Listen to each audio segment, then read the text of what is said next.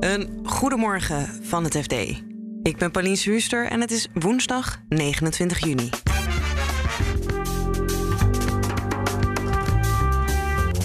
Volgens onderzoek dat Philips publiceerde, vallen de problemen met hun slaapapneuapparaten wel mee. Beleggers zijn sceptisch. Kijk, Philips heeft uh, pijnlijk proces doorgegaan waarbij, waarbij is gebleken dat ze te optimistisch waren afgelopen jaar in deze hele affaire. En ja, daar krijgen ze nu toch een beetje de rekening voor gepresteerd, zou je kunnen zeggen. En de verbouwing van het hoofdkantoor van de Nederlandse bank gaat tientallen miljoenen euro's extra kosten. Maar ze zeggen nee, het wordt supermooi. We blijven binnen het potje onvoorzien. Uh, we moeten alleen niet te veel uh, tegenvallers meer hebben. Dit is de dagkoers van het FD. En we beginnen met Philips, want er is weer een nieuw hoofdstuk in het probleemdossier van de slaapapneuapparaten, waar vorig jaar een massale terugroepactie voor was. Uit onderzoek in opdracht van Philips zou blijken dat de problemen erg meevallen. Tjeu Fase volgt het bedrijf voor het FD en zet nog even op een rijtje wat er mis zou zijn met die apparaten. Die klachten die zitten rond het. Uh geluidsdempende schuim. De berichten waren dat kan verbrokkelen onder bepaalde omstandigheden. En daar kunnen gassen vrijkomen, mogelijk zelfs kankerverwekkende gassen. En patiënten kunnen die eh, brokstukjes van het schuim en, en die gassen inademen. En dus op den duur, of zelfs op korte termijn, eh, kunnen gezondheidsschade oplopen. Dus die kunnen klachten ontwikkelen, variërend van hoofdpijn, kortademigheid tot en met inderdaad eh, longkanker. Ja. En daarom eh, is er ook een terugroepactie eh, geweest, uh, massaal. Philips zegt nu, het valt eigenlijk wel mee. Het risico is best klein. Wat zeggen zij dan dat er aan de hand is? Nou, Philips heeft dus nu al die apparaten, of al die heeft heel veel apparaten laten onderzoeken. Ze hebben vijf bureaus ingeschakeld. Die hebben, die hebben naar duizenden of zelfs tienduizenden apparaten die ingeleverd zijn, hebben die bekeken. Hoe, hoe staat het schuim erbij? In, in hoeverre is dat schuim verbrokkeld? En ze hebben ook onderzoek laten doen naar als die brokstukjes of die gassen vrijkomen, hoeveel komt er dan vrij en hoe schadelijk is dat? En dat is een voortdurend onderzoek. Ja. Ze hebben dat gedaan naar 70% van het, hè, dus het belangrijkste apparaat heet het Dreamstation. En daar heeft het onderzoek zich op, uh, op geconcentreerd. Ja, en de conclusie van het onderzoek is? De conclusie zoals Philips hem duidt, hè, en de topman spreekt van zeer bemoedigende resultaten. Het zou dus in slechts heel zeldzame gevallen zou dat, zou, dat schuim uh, verbrokkelen of degraderen, zoals zij dat noemen. En dan ook zelfs dan nauwelijks risico vormen voor de patiënten, omdat het eerder verkleeft dan verbrokkelt. Dus patiënten zouden het ook niet zo snel inademen. De conclusie van Philips is dat het dus enorm meevalt. Nou ja, het onderzoek is betaald uh, door Philips, ingesteld door Philips. Moeten we daar nog onze vraagtekens bij stellen? Ja, je moet er natuurlijk altijd naar kijken en vraagtekens bij stellen. Maar Philips heeft wel erg belang bij om te zorgen dat dat onderzoek goed gebeurt. Omdat iedereen daar bovenop gaat duiken. Dus iedereen zal die data willen zien. En die data zullen vast en zeker zijn deels nu ook al naar buiten gekomen, maar zullen verder naar buiten komen. Mhm. Dus dat betekent dat enerzijds de toezichthouders, met name de Amerikaanse FDA, zal kijken naar hoe is dat onderzoek gedaan? Is dat geloofwaardig gedaan? Zijn er voldoende apparaten bekeken? Uh, zijn de juiste protocollen gevolgd om, die, om dat onderzoek te doen? En hetzelfde zullen advocaten en patiënten, dus de advocaten van patiënten, zullen dat gaan doen. Dus je zullen in detail in al die onderzoeken gaan, uh, gaan duiken. Ja, en het is dus niet zo dat de toezichthouder, uh, vooral de Amerikaanse dan, zelf ook nog die apparaten wil gaan onderzoeken. Zover ik weet niet. Nee. En beleggers die uh, reageerden gisteren nou ja, een beetje met sceptisch. Denk je dat dat Philips nog verraste? Ik had de indruk van wel. Uh, kijk, uh, de toonzetting van Philips was heel optimistisch. Van Houten sprak van zeer bemoedigende resultaten. Nou, dan verwacht je ook uh, op de koersreactie een, een, een, een, een stijgende koers. En dat gebeurde niet. In eerste instantie zelfs helemaal niet. Ging de koers met meer dan 4% onderuit. Dat schetst natuurlijk een beetje het, uh, de, de sceptisch die, die heerst op de beurs en bij beleggers. over de verklaringen waar Philips mee komt. Ze zijn echt op zoek naar de, de, de tekortkomingen in het onderzoek. Of de open eindjes zou je misschien beter kunnen zeggen. Waar is nog onduidelijkheid? Het onderzoek is niet volledig, dus er blijven nog open eindjes. En denk je dat ze dan bang zijn dat er nog meer lijken achter, uit de kast komen? Nou ja, voor beleggers en, en dus ook voor patiënten uh, zit, zit pijn misschien in details. Details die nog nu niet duidelijk zijn. Dus dat zou zomaar kunnen dat die details straks stof gaan bieden voor, voor, voor procedures. Ja, En want er loopt redelijk van- wat, toch? Daar gaat het uiteindelijk. eh, als het gaat om, om, om eh, komen, er, eh, komen er schadeclaims. En zal Philips gedwongen zijn tot het betalen van mil- mogelijk miljarden aan schadevergoedingen of schikkingen. Ja, het zegt misschien ook wel iets over het vertrouwen in het bedrijf... en misschien ook daaraan gerelateerd in de topman... dat als er iets naar buiten komt en ze zeggen het valt wel mee... dat men dan denkt, oké, nou zo zal het dan wel zitten.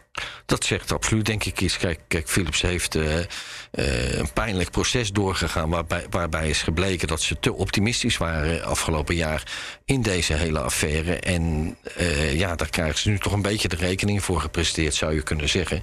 Ja. Dat als ze nu met optimistische verklaringen komen, dat die niet meteen. Eh, eh, nou ja, dat, dat, dat beleggers maar, en ook patiënten op zoek gaan naar de tekortkomingen en de open eindjes die er nog zijn. Ja, en de topman Frans van Houten... die wilde niet reageren bij het FD, toch? Ja, aanvankelijk kreeg ik te horen dat ik hem eh, kon spreken in de loop van de dag. Maar eh, ja, uiteindelijk bleek dat eh, niet mogelijk. Kennelijk was hij te druk en, eh en eh, schoot het erbij in. Ja. Eh, Ja, jammer natuurlijk, want je wil hem toch altijd graag even zelf spreken... om precies dit soort vragen te stellen. Hè, van, Ja. is, is die reactie eh, op de beurs, stelt hij nou, stelt hij nou teleur? Eh, waar wijst dit op, die sceptische reactie? Nou, die kans heb ik, heb ik even niet gehad eh, dit keer. Dus, maar ik reken erop dat ik die volgende keer weer wel krijg. En dan gaan we naar een tegenvaller voor de Nederlandse Bank. Het hoofdkantoor aan het Frederiksplein in Amsterdam wordt verbouwd.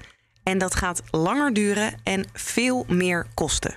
Vertelt onze bankenredacteur Matthijs Rotteveel. Vooralsnog, wat we nu weten, minimaal eh, 27 miljoen. En hoe komt dat? Er was veel meer asbest eh, gevonden in het pand dan ze vooraf eh, hadden gedacht.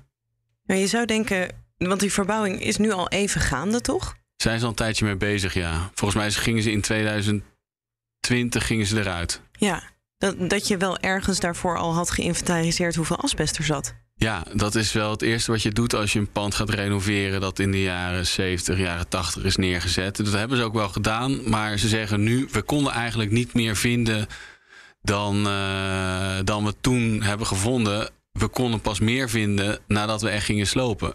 En we konden pas gaan slopen toen het geld weg was, toen het goud weg was en het personeel weg was. En dat hebben we pas eh, onlangs kunnen doen. Ja, en wie gaat opdraaien voor die tientallen miljoenen euro's? Wij allemaal. Nou, leuk. Hoe, hoe zit dat dan? Want het DNB betaalt het dan vanuit wat? vanuit eh, de eigen winst. Dus eh, DNB is ook een bank, een Mhm. bank van de banken.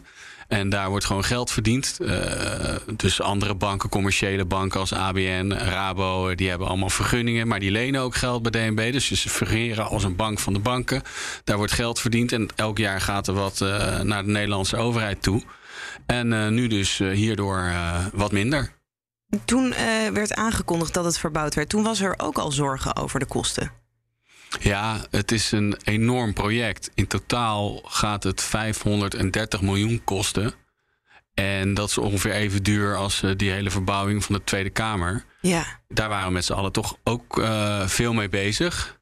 En eh, ja, hier, hier, hier wordt eigenlijk niet zo heel veel over geschreven. Maar ja, het is een enorm project, wat ik zeg. Eh, Het goud eh, en, en eh, het geld gaat eruit. Ze willen Ja. het meer open, open doen. komt helemaal niet meer terug, toch? Dat is nu in Zeist. Zeistbouw is een heel nieuw goud- en geldcentrum. Dus dat Ja. kost natuurlijk ook wel wat. En dan hebben we tijdelijke huid- huisvesting, de verhuiskosten en de hele renovatie van, volgens mij is het 70.000 eh, vierkante meter midden in Amsterdam. En ik kan me voorstellen, als je nu weer opnieuw een begroting aan het maken bent, omdat die asbest toch wat eh, duurder uitvalt, dat je ook met wat hogere bouwkosten zit opeens. Ja, ja. Eh, ik weet niet eh, of jij nou wel eens een, eh, een eh, bouwvakker hebt eh, proberen te, te, te vinden, of een loodgieter. Ja, of, ja, dat, Helemaal in Amsterdam. ja, dat is eh, inflatiecorrectie is eh, redelijk hoog, ja. Ja, je hebt ook eh, de projectverantwoordelijke van de Nederlandse Bank gesproken.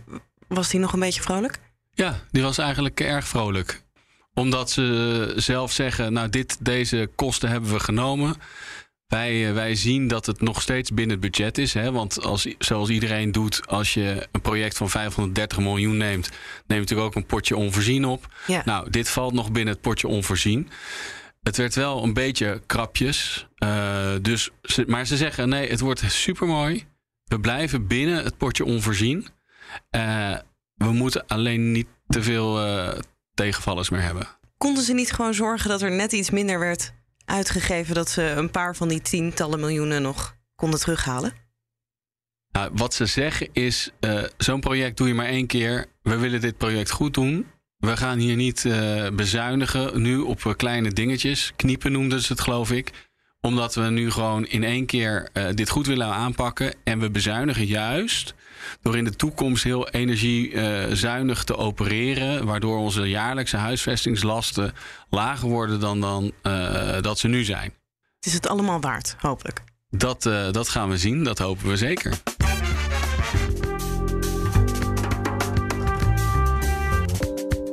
Dit was de dagkoers van het FD. We zijn er elke werkdag, dus morgenochtend staan we weer voor je klaar in je favoriete podcast-app. Ondertussen kan je natuurlijk de artikelen van Tjeu over Philips en Matthijs over de Nederlandse Bank vinden op fd.nl. En daar volg je ook het laatste financieel-economisch nieuws. Voor nu een hele fijne dag en graag tot morgen.